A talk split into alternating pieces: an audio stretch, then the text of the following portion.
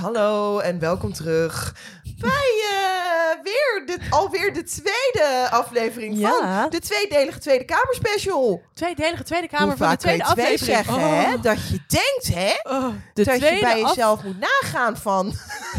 de tweede aflevering van de tweedelige Tweede Kamer special. Nee, maar jij zegt het wel weer gewoon, hè? Angel numbers. 222. Nee, maar welkom terug weer. Wij zijn eh, Lisa en Levi. Zeker. En ik ben dan Levi. En ik ben dan... Dan zal ik dus wel Lisa zijn. Ja, Lekker. het kan eigenlijk niet anders. Nee. Nee. En dit is ook zo gewoon. Oh, ja, Nou, eh, waar gaan we het in deze 222-aflevering over hebben? vertel het eens. Ehm, de complete en allesomvattende Tweede Kameruitleg. Ja. Hoe werken die verkiezingen nou eigenlijk? Nee, je wel? Nee, denkt. En nog meer Tweede Kamerjuice. Cue de intro.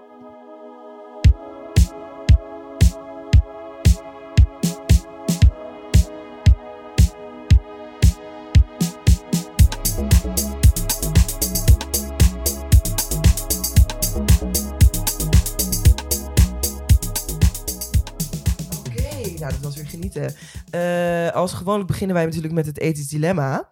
Zeker, ja. Eh lieftallige Levi, zou jij een timer kunnen zetten inderdaad? Zeker weten. Nog niet natuurlijk, maar eh, mijn, Ja. ik zal hem aanzetten hoor. Oh, ik zal even op het knopje drukken. Nou, dat is goed hoor. Ehm, mijn ethisch dilemma is, vind jij dat...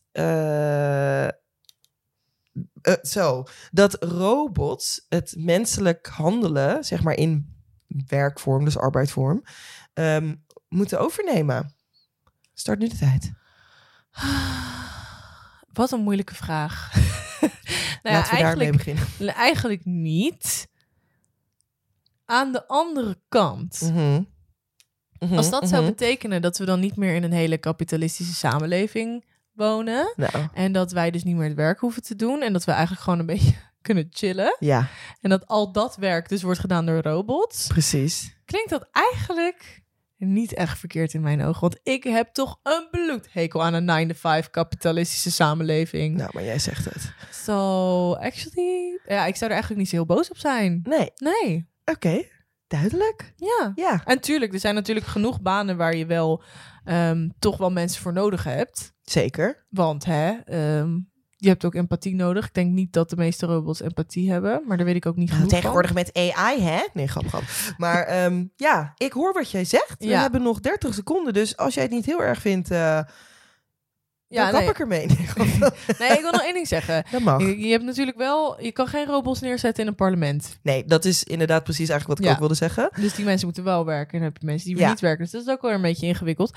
Maar goed, dan zijn er natuurlijk ook mensen die het gewoon willen doen. Precies. Ehm, ik ja. ga uit van de goedheid van de mens. There is good in the world because I am good. Nou, dat vind ik heel mooi. Toch? Ja, Nou, eh bedankt voor twee, deze. ja. Oké, dat was hem.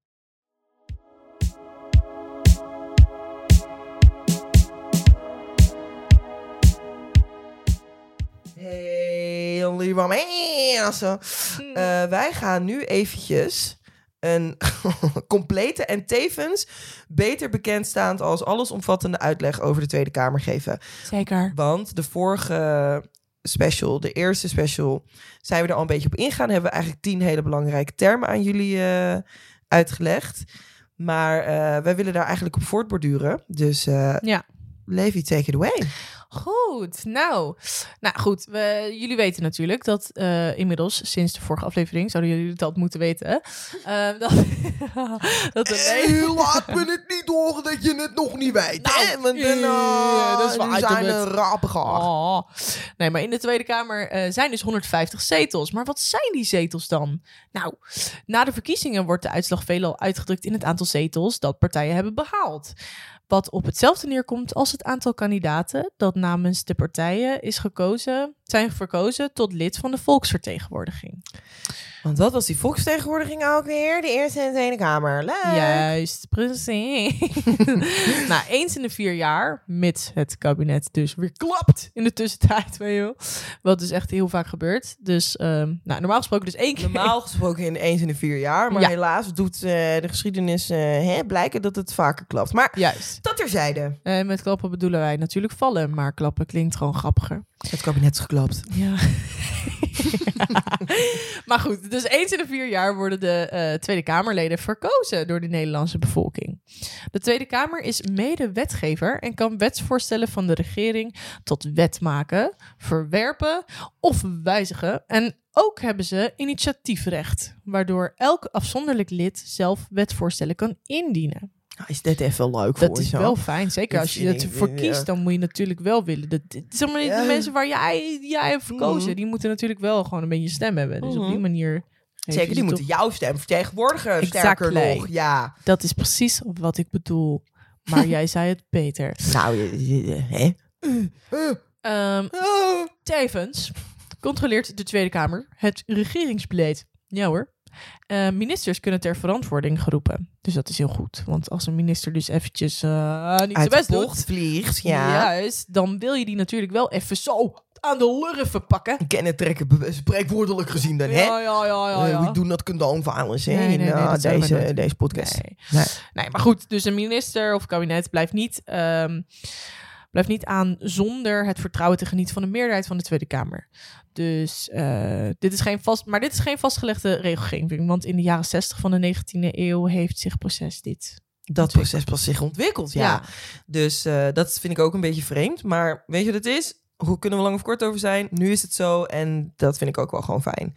Ja, beter. Want ze zijn toch de controlerende macht. Dus als je dan ja, die moeten toch geen vertrouwen meer in hebt. Ja, anyways. Ah. Zal ik even kort uitleggen wat coalitie is dan? Nou, dat vind ik wel fijn. Ja, Ja, als dat jij dat doet. Wat de fuck is dat? Wat is dat eigenlijk? Nou, in de Tweede Kamer heb je de coalitie en de oppositie. Daar heb je waarschijnlijk al wel van gehoord. Hè? Maar wat betekent het nou precies? De coalitie is een verbond van één of meerdere partijen in de Tweede Kamer. Dat is het verbond wat dus ehm, de meeste stemmen, bij elkaar de meeste stemmen heeft gehaald. Want om een coalitie te kunnen vormen is een meerderheid in de Tweede Kamer nodig. Oftewel, de coalitie bestaat uit de partijen of partij. Nou komt dat niet vaak voor dat één partij eh 76 zetels haalt, maar technically speaking zou het kunnen. Eh, maar de coalitie bestaat dus uit partijen die samen minimaal 76 van de 150 zetels bezitten. Dat is dus eentje meer dan de helft, dus heb je de meerderheid. Ja. Samen ja, dat heb ik al verteld. Dat ze dus de meerderheid van de stemmen dan samen bezitten. De oppositie bestaat uit alle partijen die niet de uitvoerende macht zijn. In de uitvoerende macht zijn vertegenwoordigd. Die dus niet in de coalitie zitten. Heel simpel gezegd. Dit is echter niet altijd het geval. Want soms geven partijen die zelf niet regeren gedoogd steun. En wat betekent dat dan dus? Ehm, dat als je als er een coalitie zich wil vormen die niet meer dan 76 eh, van de 150 zetels heeft, dus die niet de meerderheid heeft, dan kan de oppositie daar, zeg maar, they can see that through the fingers. Ja, Wat zou bijvoorbeeld zou betekenen... maar wat ik- best wel chill is ook. hè? wat best wel chill zijn, want dan heb je als oppositie meer stemmen, zeg maar. En in debatten. Maar daar komen we zo. In ieder geval, gedoogd steun is dus dat de oppositie dan zegt... Weet je wat? Jullie met je, ik zeg maar wat, 70 zetels... Ga lekker eh, coalitie vormen, ga lekker regeren, prima. ja. Van ja, whatever. Ik heb het persoonlijk in mijn eh, lieftallige leven nog nooit meegemaakt. En Maar Hoe heet dat dan, Lisa? Zo'n... eh, dat heet dan een minderheidscoalitie. Ja. Dus dat betekent dat er wel een coalitie is, maar die hebben dan niet samen de meerderheid van de stemmen. Dus dat heet dan een minderheidscoalitie. Ja. En waarom is eh, toch even uitleggen? Waarom is dat dan chill voor de oppositie? Omdat de oppositie dan met meer is.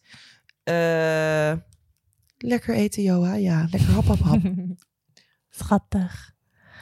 Zeker, maar dan is dus de oppositie heeft dus meer zetels eigenlijk. Ja. Ehm, en kan dan dus een oppositiebeleid eigenlijk voeren. Ja. Even verder over die oppositie. Ehm, de leider van de grootste partij die in de oppositie zit, wordt meestal de oppositieleider genoemd. Is dat. nou, bedankt. Ehm, Wie is dat? Nu. Ja, jij zei Ik dacht dat het Geert Wilders was. Ja. ja. Want volgens mij is de PVV... Ik ga het gewoon even heel erg snel opzoeken. Ja, ik ben wel benieuwd. Want ik zeg, Ehm. ik zeg dat nou wel. Nee, maar ik hoor jou dat nu zeggen, hè? Oppositieleider. Maar ik weet eigenlijk Eh, niet of ik gelijk heb. Ik denk het wel. 2023. Oké, we hebben het even opgezocht. En inderdaad, eh Levi's eh, suspected eh, gedachte is waar. Eh, Geert Wilders is de oppositieleider, want die heeft met zijn eh, PVV 17 zetels. Jawel. Oké. wat. Ehm, luister dan, wij moeten door. Want dus de leden van de Tweede Kamer maken samen met de regering... Weten we nog wat de regering is? De koning en de ministers. eh, nieuwe wetten en controleren of de regering haar werk goed doet. Daarnaast speelt de Tweede Kamer een belangrijke rol bij het maken van beleid. Swag. Kan jij de, de rest Ja, even zeker. Nou, een belangrijk deel van het Kamerwerk, dat gebeurt in commissies. In die commissies werken eh, groepjes Kamerleden samen aan één specifiek onderwerp. Net als in een Gezellig. klaslokaal. Yay. Ja, aan het hoofd van de Tweede Kamer staat de voorzitter.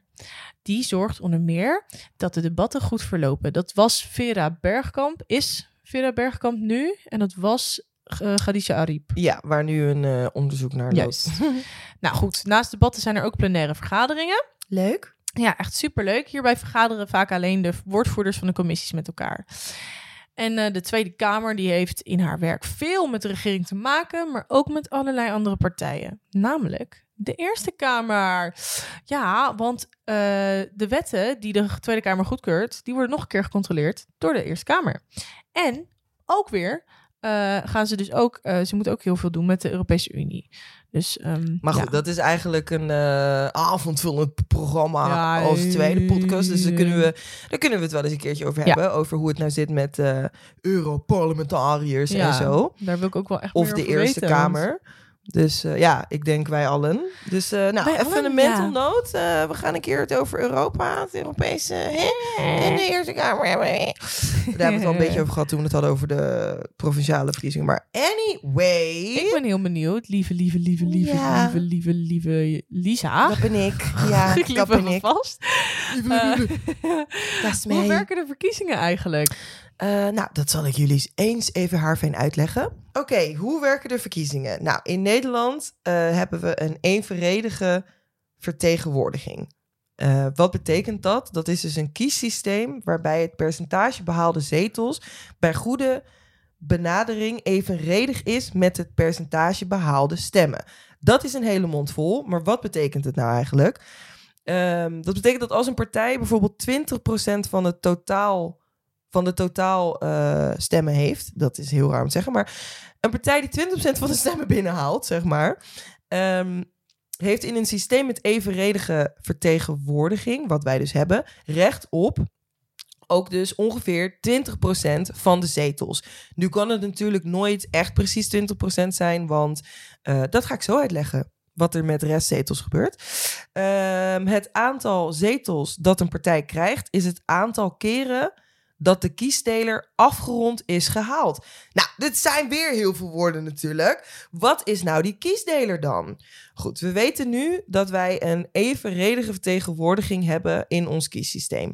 Wat betekent, jij krijgt uh, 20% van de stemmen. Dat betekent dat je ook 20% van de zetels krijgt. Maar dat kan natuurlijk nooit precies. Dus dan hebben we een kiesdeler in het leven gebracht. De kiesdeler is bij verkiezingen het totaal aantal stemmen gedeeld door het aantal zetels dat te verdelen is. Nou, dat zijn er 150 in de Tweede Kamer. Bij een kiessysteem van evenredige vertegenwoordiging is het in principe ook het aantal is dat ook in principe het aantal benodigde stemmen per behalen zetel. Dus dat is even voor de, voor de rekenliefhebbers onder ons, dat is 100.000. Uh, wat betekent dat dan dus precies? Voor elke 100.000 behaalde stemmen uh, op een partij, krijgt een partij één zetel. Ik lekker. Heb, lekker, ja. Dat is best wel veel natuurlijk. Uh, het is ook veel informatie. Maar wat gebeurt er dan met zetels die overblijven? Want het kan natuurlijk...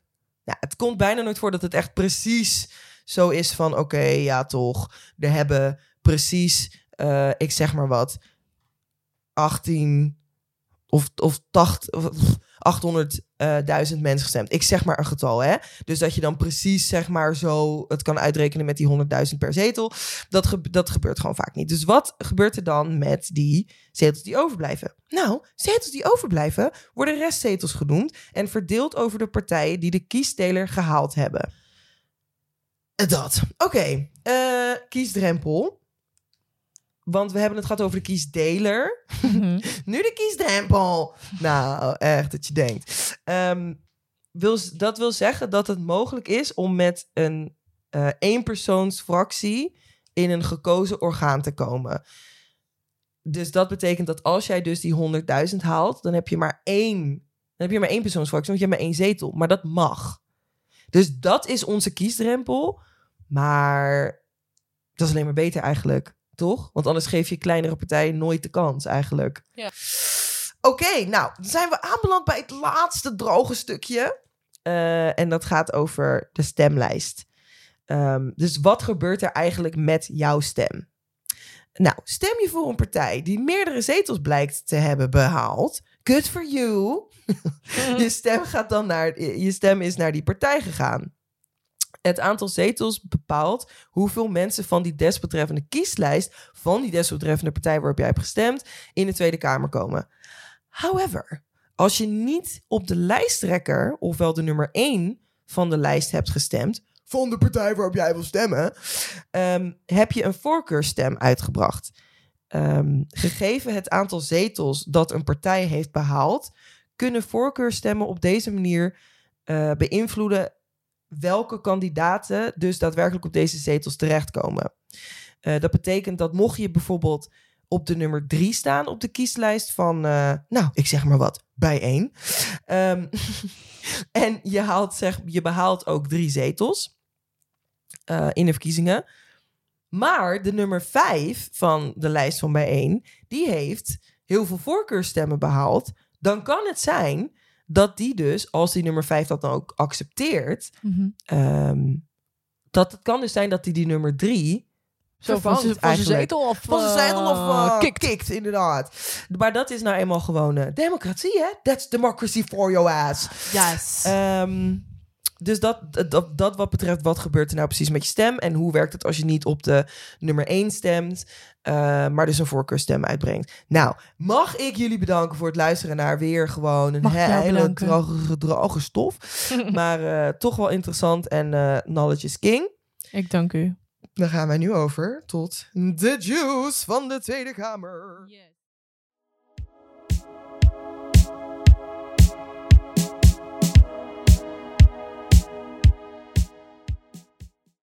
Nou, dit keer is het niet superveel. En we hebben zelfs al een deeltje behandeld. Een deeltje. Een deel. Een onderdeeltje. Een onderdeeltje. Ehm, maar één daarvan is eigenlijk iemand die we net al hebben genoemd. Ehm, en dat is Khadija Ariep. Want Yep. eh, die is volgens mij ongeveer een jaar geleden is zij... Dat zou eh, goed kunnen, ja. Ja, zij moest weg van haar positie als eh, voorzitter van de Tweede Kamer. Dus zij leidt alle debatten, zeg Ja. maar. Ja. En eh, dat is dus zoals mensen zeggen van via de voorzitter. En voorzitter, dat is dan degene, dan Ehm, spreken ze haar dus aan. Dus Ja, mevrouw de dus. voorzitter, eh, ik wil even melden dat de minister dus geen gelijk heeft. zeg maar dat soort dingen. Dus je Ja. praat altijd via de voorzitter. Ja, Precies, Want zo, dat is wel zo netjes. Je valt elkaar dus niet direct aan. direct maar aan, indirect maar via wel. de voorzitter. Maar je staat er wel bij met je bek. Dus hè? Ja, eigenlijk is het Anyways. gewoon indirect. Het is gewoon eigenlijk een doorgegeven luikje. Terwijl je, nou goed. Letterlijk. Luikje open, luikje sluiten. Goed, nou, zij was eh, uiteindelijk moest zij dus een partijtje weg eh, uit haar functie, omdat zij een onveilige werksfeer heeft gecreëerd. We weten nog steeds niet echt. Allegedly. Ja, al- allegedly. Eh, we weten nog steeds ook niet echt wat er is gebeurd. We weten niet wat er in die stukken staan. Ehm, Want dus het onderzoek loopt nog. ja, want het onderzoek loopt nog inderdaad. Dus we hebben nog geen enkel idee. Nou, zij wilde op een gegeven moment ook we- weten wat de aantijgingen waren, maar dat wist ze zelf ook niet. Ehm, want dat mocht zij niet inzien. Ja. Ehm, nou, op een gegeven moment mocht ze dat volgens mij wel inzien. Alleen dan mocht het alleen maar in een kamer. Dan moest ze er telefoon inleveren. En dan moest ze, ze mocht geen foto's maken ervan. Ze mocht niet thuis lezen. Ze moest echt gewoon op het moment zelf. Maar ja, dat zijn gewoon hartstikke veel, eh, veel bewijslast. ja. Dus dat was allemaal vervelend, bla bla bla. Ehm, ja, nou, dus de, de advocaat, eh, zij heeft op een gegeven moment... dus erg vervelend. ja, Daar sta maar wat zij dus heeft gezegd is... Ik, eh, ik wil dat dit onderzoek stop wordt gezet. Want ik word een partijtje hè, neergezet als iemand die ik niet ben. Ja, En, Dus zij heeft zelfs juridische stappen daarvoor Ja. voor ondernomen. Ja, dus ze is nu eh, bezig met... De, het, on, het, het was trouwens al heel ver gevorderd, het onderzoek. Ja. Ehm, en zij zet het nu in, dus het zal waarschijnlijk... Doordat er juridische stappen zijn gezet... eh, om dit onderzoek dus stop te zetten... zal het nu nog langer duren voordat wij weten... wat er nou eigenlijk echt Ja. gebeurd is. Eh, so, that's on that. We maken het weer mee. Ja. Goed. Nou, dan Nou, een puntje waar we het inderdaad in de eerste special al over hebben gehad. En we, we, we, we hebben aangestipt. ja. Eh, Volt en de ChristenUnie willen de Kamer uitbreiden naar 250 zetels. Zeker, want Mirjam Bikker van de ChristenUnie en Laurens Dassen van Volt, die schreef een initiatiefnota waarin het gaat om het transparanter maken van de totstandkoming van wetgeving, maar daarbij ook een uitbreiding van het huidige aantal Kamerleden. De Tweede Kamer is eh, sinds 1956 namelijk gelijk gebleven in aantallen, terwijl er echt 6 miljoen mensen bij zijn gekomen in Nederland. Dat is letterlijk meer dan de helft dan dat er toen was. Ja, Is erbij gekomen. precies. Hashtag besef. Ja, en ik kan me dus ook best wel goed voorstellen dat het handiger is eh, om meer Kamerleden erbij te doen. Met meer ondersteuning ook daardoor. Dus ook meer beleidsmedewerkers en Mhm. betere vertegenwoordiging van alle mensen in Nederland. Want dat betekent dus ook dat als er dus meer, nou 250, dus 100 meer Hmm. eh, zetels komen, dat betekent ook dat kleinere partijen nog steeds de, eigenlijk wel weer een grotere kans hebben om in de Kamer te komen. Want dan heb je dus ook minder op meer, stemmen nodig. ook op meer zetels. Ja, en op meer zetels ook inderdaad. Dus dat zou ook heel erg de werkdruk verlagen. Ja. Want ja, een eenmansfractie is gewoon heftig. Ja. Dus, ehm, want dan moet je alle commissies volgen. Weet je, je moet eigenlijk alles doen, maar in je eentje. Nou, dat is gewoon niet te doen. Nee, Dat, ja. de Dus- werklast kan niet. ja, dat is echt heel raar eigenlijk. Het is, Dus dat- eigenlijk wel- ja, het is goed dat het kan, weet je wel. Maar het is eigenlijk... Oh, sorry. Ik praat even niet in de, in de mic. Het is goed dat het kan, maar het is niet haalbaar eigenlijk. Dus dit, ik zie dit wel zitten. Ik zou dit wel... eh, ik vind het Ja. wel een goed eh, initiatiefnota. Ja, het is wel heel goed. Want eh, het is eigenlijk een heel raar idee dat de allergrootste partij het eigenlijk het makkelijkste heeft, toch? Ja, ik bedoel... Want je hebt alles al. Ja. En dan heb je ook nog eens dat het extra makkelijk That's is. not fair. Nee, dus eigenlijk is het, eh, het is een heel raar systeem. Maar goed, dus eh, ik, ik ben er eigenlijk wel voor. Ik kan me nu ook niet bedenken waarom ik tegen zou zijn. Misschien dat er daardoor wel ook weer nog meer partijen ehm, in de Tweede Kamer komen.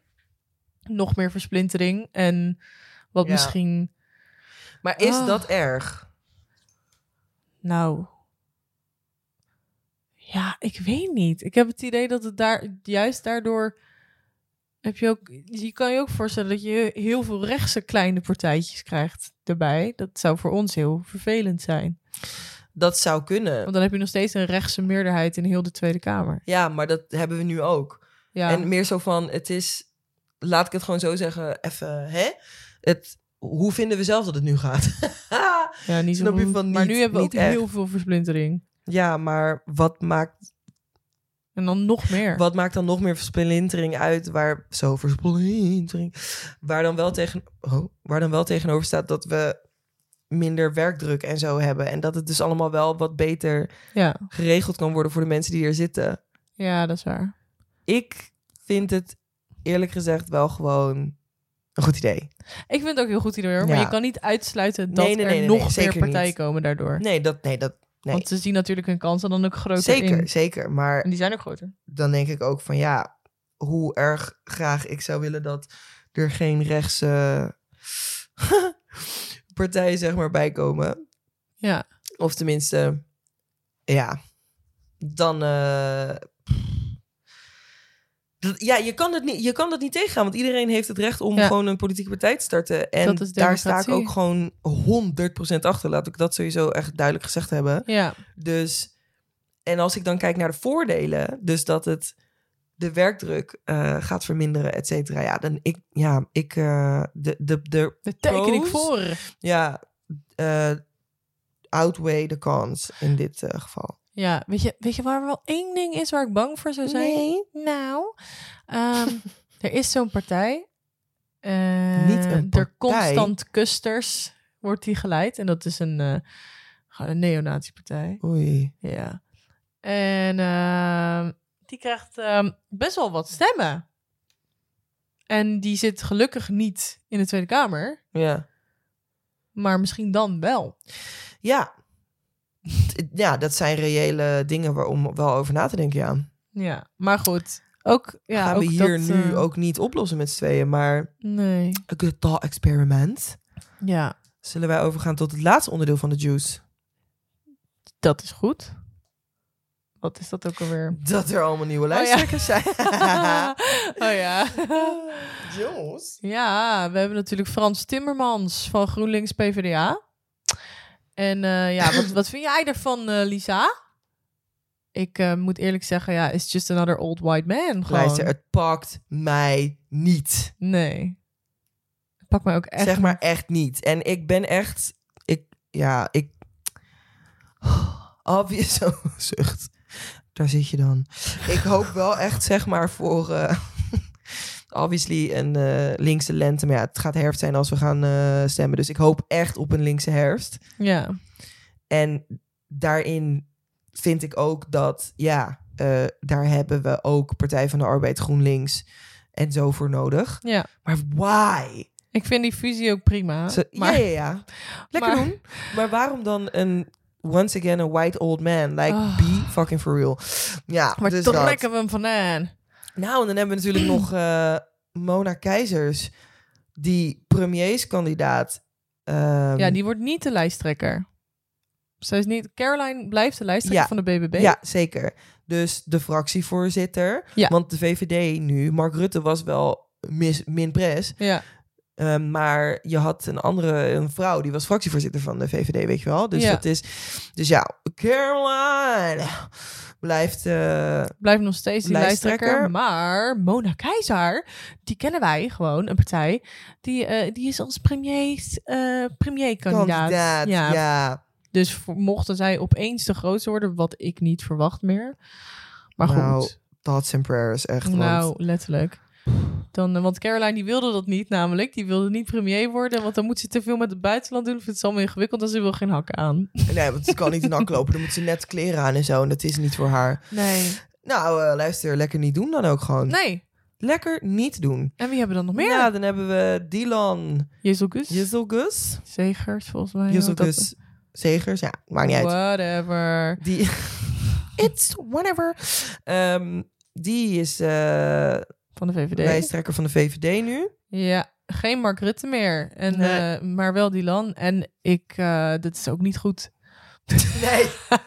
en dit, Want zij, zij... lieve oh. mensen, hooggeëerd publiek, is ook niet helemaal barkie. Nee, Ja, want nee, dit is echt... Zij zelf volgens mij vluchteling geweest, Zeker, toch? ja. ja. Ja, en, en hoe zij op migratie... Dat is echt... Dat je Bizar, it's giving Stockholm syndrome. Maar Nou, anyways, Maar echt... it's giving, oh my god, I'm in. En nu ga ik het verpesten voor de rest van mijn mensen, zeg maar. Van, oh, mij is het gelukt, dus het kan iedereen lukken. Ja, kansenongelijkheid bestaat nog steeds, liefst gehad. Letterlijk. Nou, dan hebben we natuurlijk nog eh Rob Jen Ja, een oude bekende van de van deze. D66. Nou, de Sigrid Kaag is weg en nu heb je Rob Jetten. Rob Jen. Ja, en hij staat voor een D66. hele, hele, hele moeilijke taak wel. Want eh na Sigrid Kaag zijn de echt... Ze staan echt heel laag. Zielig. En ze hebben ook een hele erge achterstand blijkbaar in... eh, Hè, in eh, een lijst überhaupt samenstellen. Dus het Ja. wordt, eh, voor de verkiezingen wordt het echt heel eh, interesting. En dan hebben we nog Henry Bontbal eh, van het CDA. Die eh, wordt nu lijsttrekker. En we hebben dus, wat we de vorige keer al heel veel over hebben verteld... is Pieter Omtzigt van, de NSC. Oh. Ik kan hem maar even duidelijk uit. NSC. Oh. Ja, niet de NS. Nee, het loopt niet lekker. Godsamme. Oké.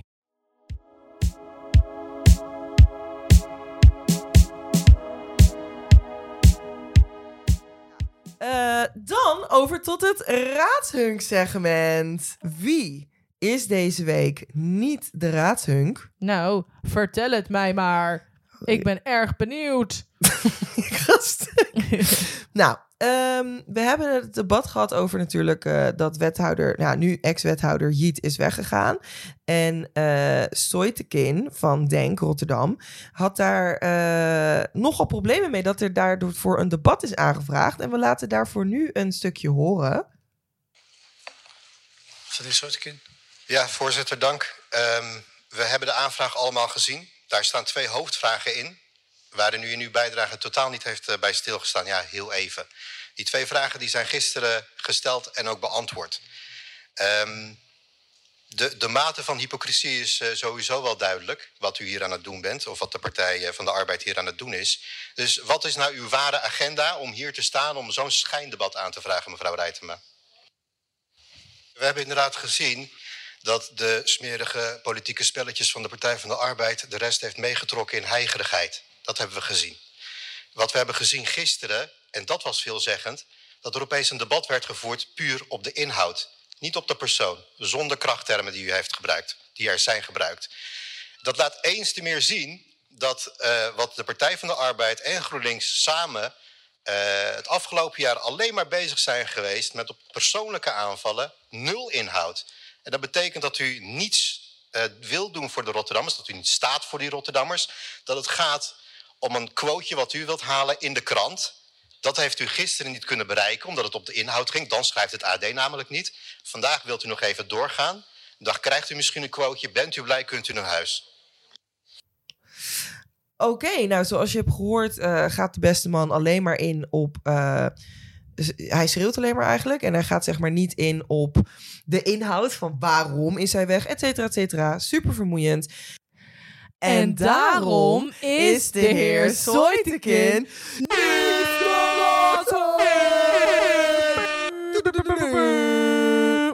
Nou, en dan gaan wij nu luisteren naar een stukje van... Uh, Sarah Rijtema ja, die, van PvdA. Die onder andere samen met GroenLinks de... Ja, eigenlijk... De, ja, het was geen spoeddebat, maar zeg maar extra raadsvergadering had uh, aangevraagd ja. om het te hebben over het vertrek van de nu ex-wethouder Jiet. Ja, allereerst uh, dank voor de aanwezigen bij deze extra raadsvergadering. Samen met andere partijen hebben wij vandaag dit debat aangevraagd. Naar aanleiding van het opstappen van de wethouder armoede, schuldhulpverlening en taal. Ik zal het kort houden. Voorzitter, het is nogal wat. Een wethouder die per direct opstapt. Dat is geen besluit dat zomaar genomen wordt. En dat is geen gebeurtenis die maar tussen neus en lippen door hier langskomt in de raadzaal en dat was het dan. Dat zou absoluut geen recht doen aan het wethouderschap. Het is het college, het college van burgemeester en wethouders, dat gezamenlijk verantwoordelijk is voor het dagelijks besturen van de stad. Daarom spreken we ook het college aan op haar verantwoordelijkheid. Wij verwachten niet alleen een snelle opvolger, maar ook een adequate opvolger. Rotterdam verdient de beste wethouder in de strijd tegen armoede en schulden. Voorzitter, het statement van de wethouder die per direct vertrekt schetst een zorgwekkend beeld. En wij zijn ook verbaasd om dit via social media te hebben waargenomen. We missen ook de enige zelfreflectie in deze verklaring. En we vragen het college, herkent het college zich in dit statement? En het gebrek aan zelfreflectie? En hoe reageert het college op dit statement? Hier wil ik het bij laten. Dank. Nou, dat hebben ze toch weer uh, even Prachtig gewoon gedaan. fijn gedaan en goed verdedigd. Ja. En aangedrongen op om, door te, over, om over te gaan naar de inhoud. Mhm. Ehm, en daarom is, Is Sarah Sarah Rijtema... Rijtema